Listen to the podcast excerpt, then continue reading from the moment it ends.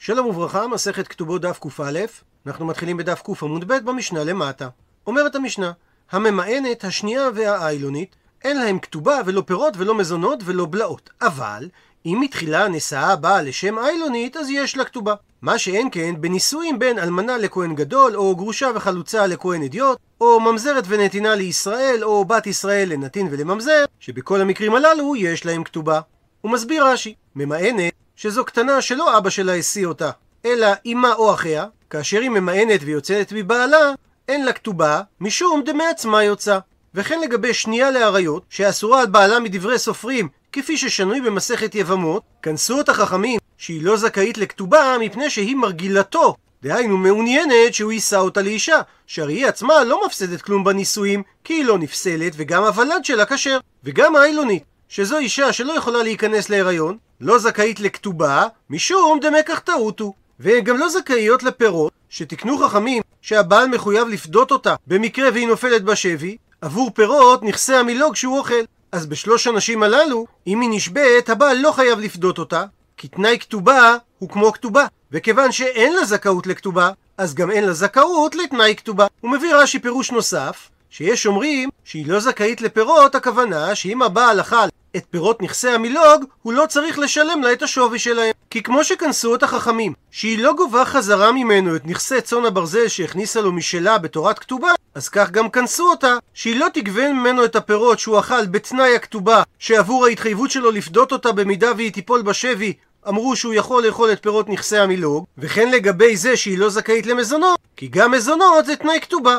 והגמרא בהמשך בדף ק"ז תאמר שלא שייך לומר שלממאנת אין מזונות, שהרי אם היא עדיין יושבת תחת בעלה, אז בעלה חייב במזונותיה. אלא תסביר הגמרא שמדובר שאם הלך בעלה למדינת הים, והיא לוותה כסף ואכלה, ואחר כך עמדה ומיינה, אז הדין שהבעל אינו משלם את מה שהיא אכלה.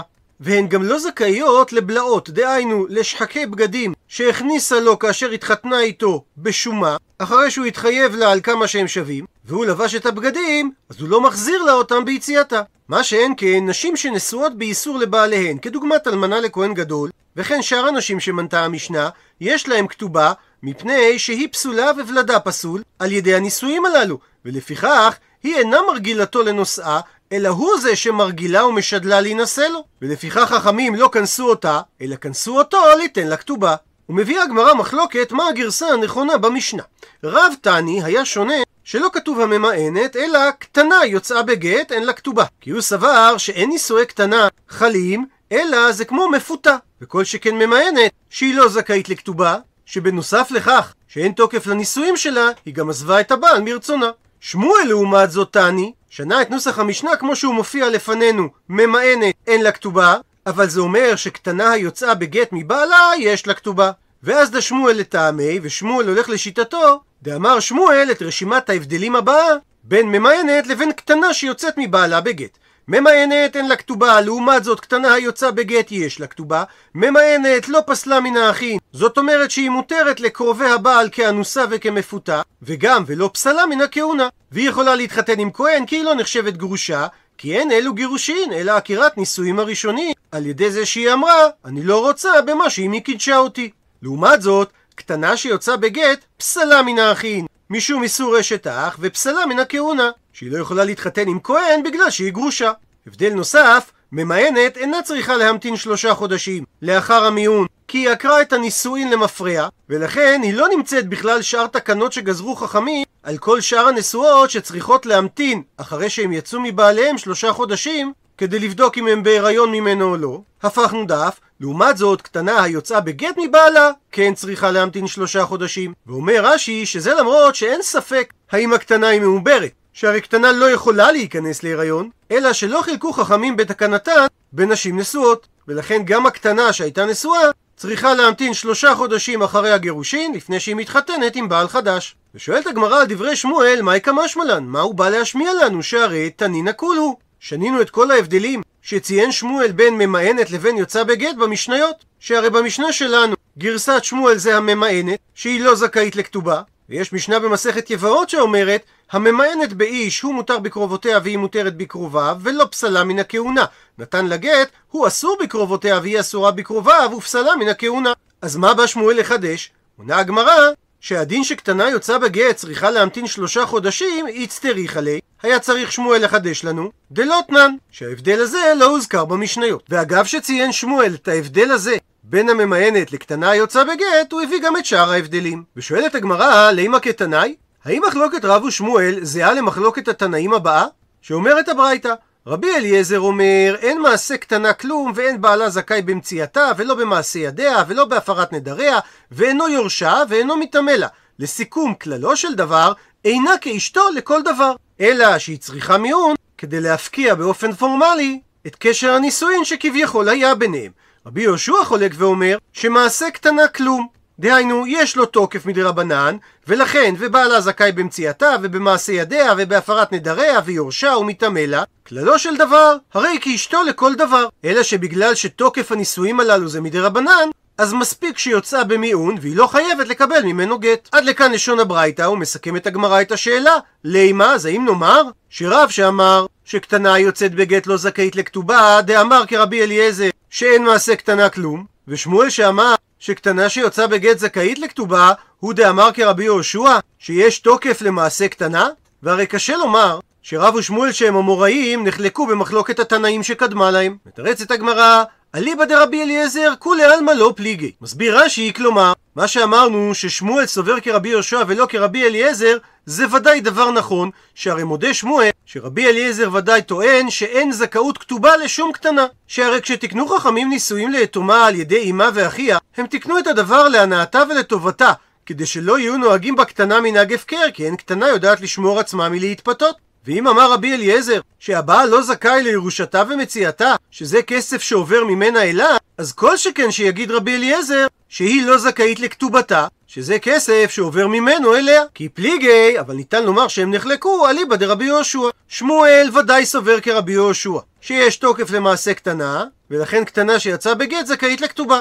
ורב סובר שניתן להעמיד את רבי יהושע לשיטתו. כי עד כאן לא קמה רבי יהושע הטעם. מה שרבי יהושע אמר, שמעשה הקיימים זה רק אלא מדידה לדידי, כאשר כספים עוברים ממנה אליו, כגון ירושתה ומעשה ידיה ומציאתה, שיהיו לבא, כדי שאנשים לא יימנעו מלהתחתן עם קטנה. וחכמים תיקנו כך כדי שתינשא הקטנה, כדי שלא ינהגו בה מנהג הפקר. אבל כאשר מדובר על כספים מדידי לדידה, שעוברים מהבעל אליה, כגון זכאות לכתובה ותנאי כתובה, בזה סובר רב שגם רבי יהושע מודה שהקטנה לא זכאית לקבל אותם. ציטוט מהמשנה, שאחד מהדברים שהממיינת השנייה לאריות ואיילונית לא זכאיות להם ולא בלעות. ועל כך אמר לו רב הונא ברכיה לרב כהנא, שאמרת לנו משמי דשמואל שההלכה הזאת מוגבלת שלא שנו אותה אלא לגבי נכסי המילוג של האישה, אבל בלעות של נכסי צאן ברזל איתלה, היא כן זכאית לקבל. הווי בא והתקשר רב פאפא לגבי ההגבלה הזאת היה. על איזה מן הנשים המוזכרות במשנה היא נאמרה. אילם האם תאמר שזה נאמר הממיינת? לא ניתן להסביר כך שהרי אידי יתנאו. אם בלעי הבגדים עדיין קיימים, אז אידי ואידי שקלה. בין אם זה בלעות של נכסי מילוג, בין אם זה בלעות של נכסי צאן ברזל, מגיע לה לקבל אותם, מפני שאין לנו לכונסה. שהרי קטנה לא נחשבת אחראית למעשיה, ולכן אין סיבה לקנוס אותה ולא לתת לה חזרה את אותם בלעות. ואי דלתנאו, ואם הבלעות הללו כבר לא קיימים, אז אידי ואידי לא שקלה. בין אם זה בלעות של נכסי מילוג, בין אם זה בלעות של צאן ברזל, לא מגיע לה לקבל אותן, כי יכול הבעל לטעון ולומר, ברשות בית דין נשאתיה, על דעת זה שכאשר הוציאנה, דהיינו יגרש אותה, אני אחזיר לה את מה שקיבלתי עליי בכתובה, ולכן בלעות של נכסי צאן ברזל לא מגיע לה, שהרי היא יוצאת מדעתה ולא אני מגרש אותה. ואותו עיקרון לגבי בלעות של נכסי מילוג, שאומנם הבעל שלא ברשות הוציאם, שהרי הם היו שייכים לה, אבל גם שם יכול הבעל לומר שהוא לא צריך להחזיר לה אותה, כי הוא לקח בחשבון שרק כאשר הוא יגרש אותה הוא יחזיר לה, כי תמיד קיים הסיכוי שמא היא תמות לפניו והוא יירש אותה. אבל כאשר היא ממאנת ויוצאת מדעתה, לא מגיע לה לקבל את בלעות נכסי המילוג.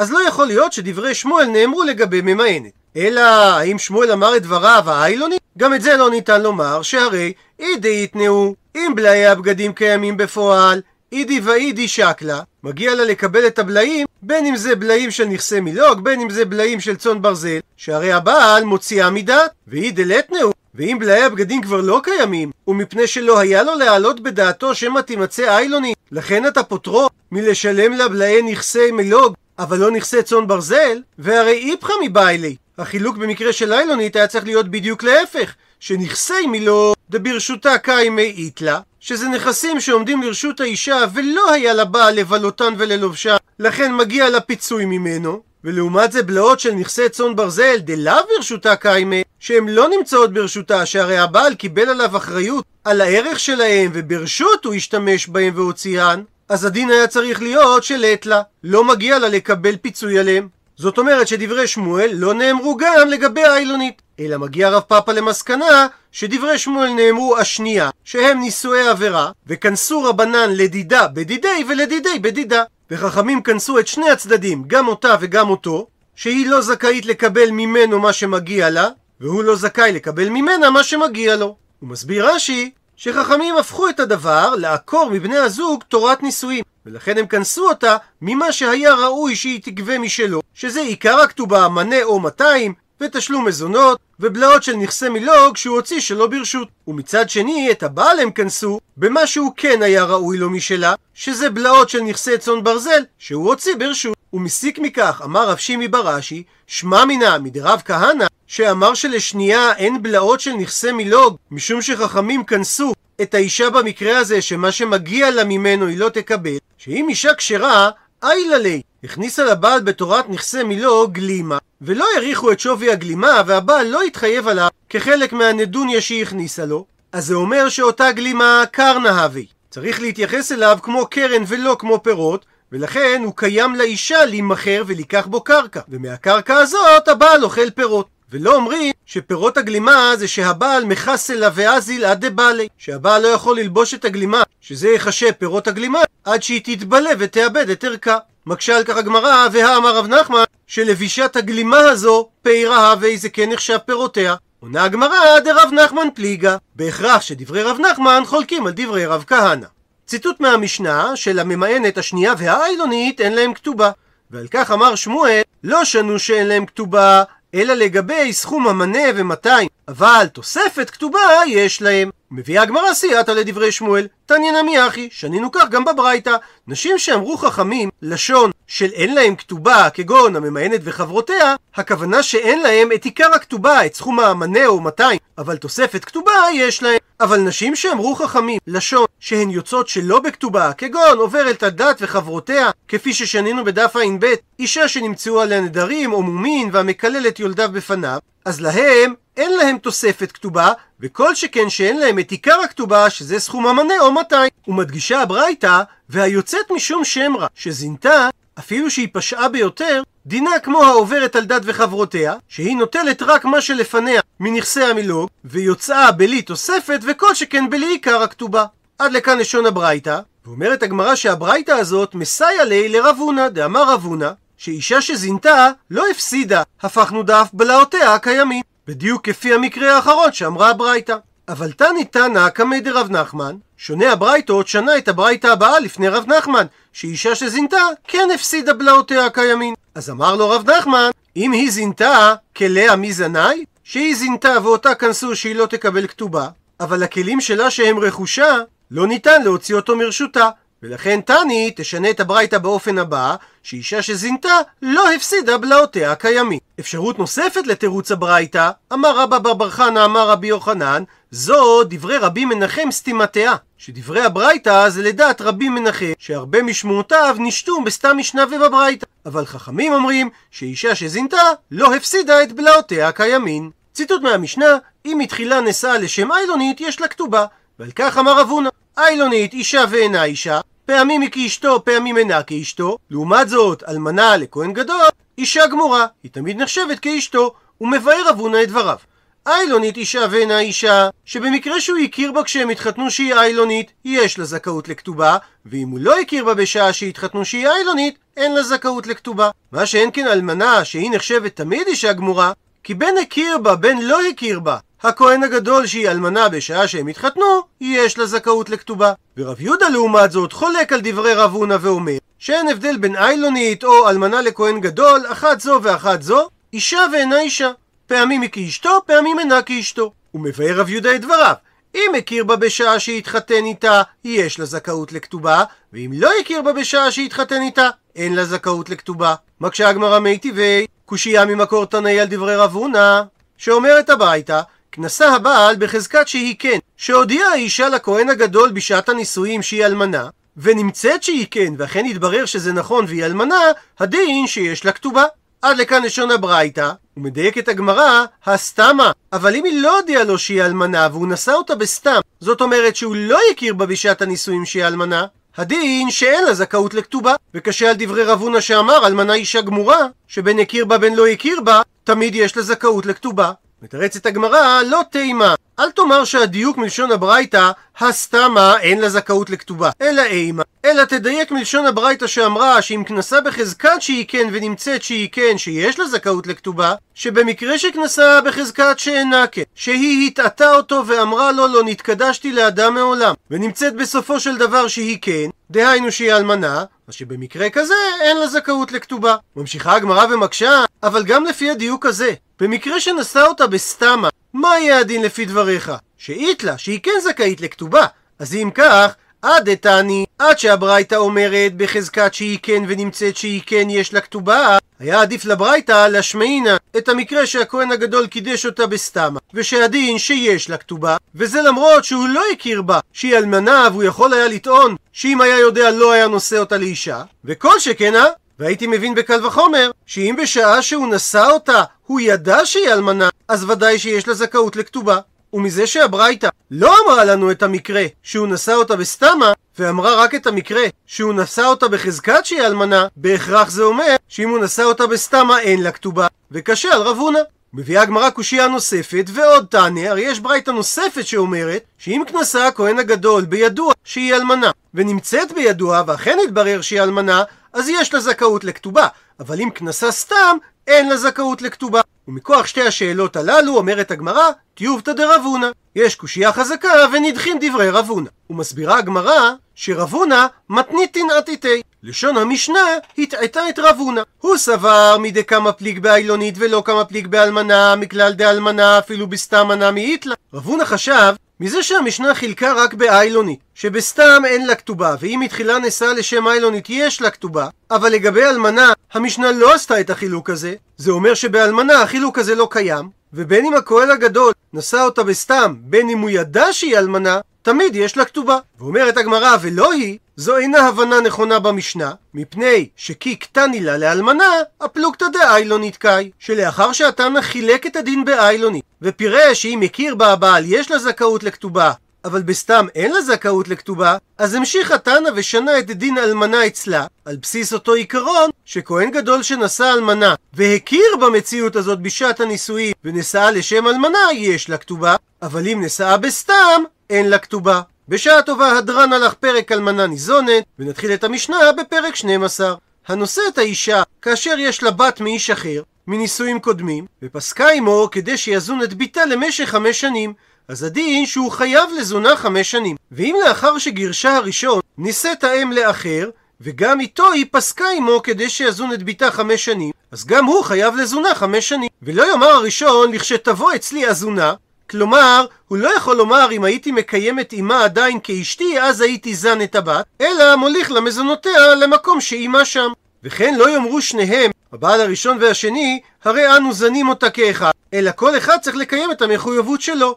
אחד זנה, ואחד נותן לה דמי מזונות. ואם בתוך החמש שנים הללו נישאת הבת, אז הבעל שלה נותן לה מזונות, והן, הבעלים הראשון והשני של אימא שלה, נותנים לה בשנים הללו דמי מזונות. ואם מתו הבעל הראשון והשני של האימא, בנותיהם ניזונות מנכסים בני חורין, ולא מנכסים משועבדים, כמו ששנינו במסכת גיטין, אין מוציאין לאכילת פירות ולשבח קרקעות ולמזון האישה והבנות מנכסים משועבדים, אלא רק מנכסים בני חורין. לעומת זאת, והיא, אותה הבת, שהם התחייבו לזון אותה למשך חמש שנים, ניזונת מנכסים משועבדים, מפני שהיא כבעלת חוב, שהרי יש לה עליהם שטר מזונות. את המשנה, הפיקחים, במקרה שהם מתחתנים עם אישה שיש לה בת מנישואים קודמים, היו כותבים לה את הנוסח הבא, על מנת שאזון את בתך חמש שנים כל זמן שאת עימי. כך שבמקרה שהבעל ימות או האישה תמות, או שיתגרשו, הבעל לא חייב להמשיך ולזון את הבת. עד לכאן דף קא.